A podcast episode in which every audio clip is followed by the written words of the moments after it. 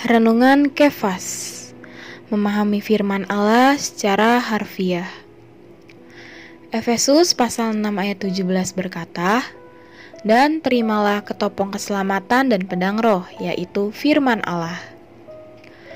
Ketika kita membaca Alkitab Cara pertama untuk memahami firman Allah adalah mengerti secara harfiah kita harus mengerti apa pun yang Alkitab katakan dan jangan disimpangkan dari pikiran utamanya. Ketika kita membaca Alkitab, janganlah kita menafsirkan sewenang-wenang bagian yang tidak kita mengerti. Dengan demikian, menjauhkan kita dari makna firman. Banyak orang mempelajari Alkitab dan merohanikan penafsiran mereka. Sebagai contoh, Yohanes 3 ayat 5 mengatakan, jika seseorang tidak dilahirkan dari air dan roh. Ada satu kelompok orang yang merasa bahwa air di sini sulit untuk ditafsirkan.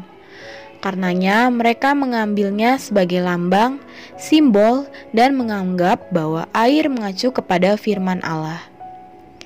Ini sesuai dengan Efesus 5 ayat 26 yang mengatakan air di dalam firman mereka mengatakan bahwa ini berarti dilahirkan oleh roh melalui firman. Walaupun merohanikan penafsiran semacam ini tidak buruk dan kelihatannya konsisten dengan Alkitab, tetapi ini memiliki masalahnya sendiri. Jika penafsiran Yohanes 3 ayat 5 sedemikian adalah benar, Mengapa Tuhan Yesus tidak memberitahu Nikodemus dengan terus terang di awalnya bahwa manusia harus dilahirkan dari firman daripada mengatakan padanya bahwa manusia harus dilahirkan dari air? Dengan menanyakan pertanyaan ini, kita dapat melihat bahwa penafsiran air sebagai firman tidak bisa diterima. Jadi, kita bisa melihat bahwa kita perlu mencoba menurut kemampuan kita memahami Alkitab secara harfiah. Untuk memahami Alkitab yang adalah firman Allah, kita perlu mendoa bacakan, mengubah semua yang kita lihat dan kita pahami ke dalam doa. Ketika kita berdoa, kita menggunakan roh kita. Pertama-tama, kita mungkin menggunakan pikiran kita untuk berdoa, tetapi setelah tiga atau lima kalimat roh, kita akan bangkit. Inilah fakta yang nyata.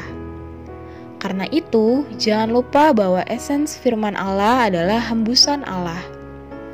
Ketika kalian membacanya, kalian harus menghirupnya. Di pihak Allah adalah masalah Dia menghembus. Di pihak kita adalah masalah kita menghirup. Hembusan rohani keluar dari dia dan masuk ke dalam kita. Apa yang keluar dari dia dan masuk ke dalam kita adalah hembusan rohani. Firman Allah adalah roh dan hayat. Hari ini, pikiran kita tidak dapat menjamah roh itu. Hanya roh kita dapat menjamah roh itu. Jika kita tidak menjamah roh, kita tidak dapat mendapatkan hayat. Hanya dengan menjamah roh itu baru kita memiliki hayat. Akhirnya, hayat itu adalah Kristus dan adalah Allah sendiri. Pertama-tama, kita tidak perlu menjelaskan apa yang kita baca atau apakah kita perlu memahaminya. Kita hanya perlu mendoa bacakan firman secara harfiah. Ketika kita doa baca, roh kita menjamah roh Alkitab.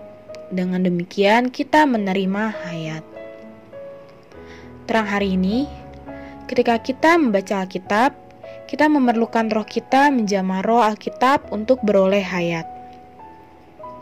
Poin doa, berdoa agar Tuhan membawa kita belajar untuk berpaling dari pikiran kita ke dalam roh kita untuk memahami firman dan memperoleh hayat Allah.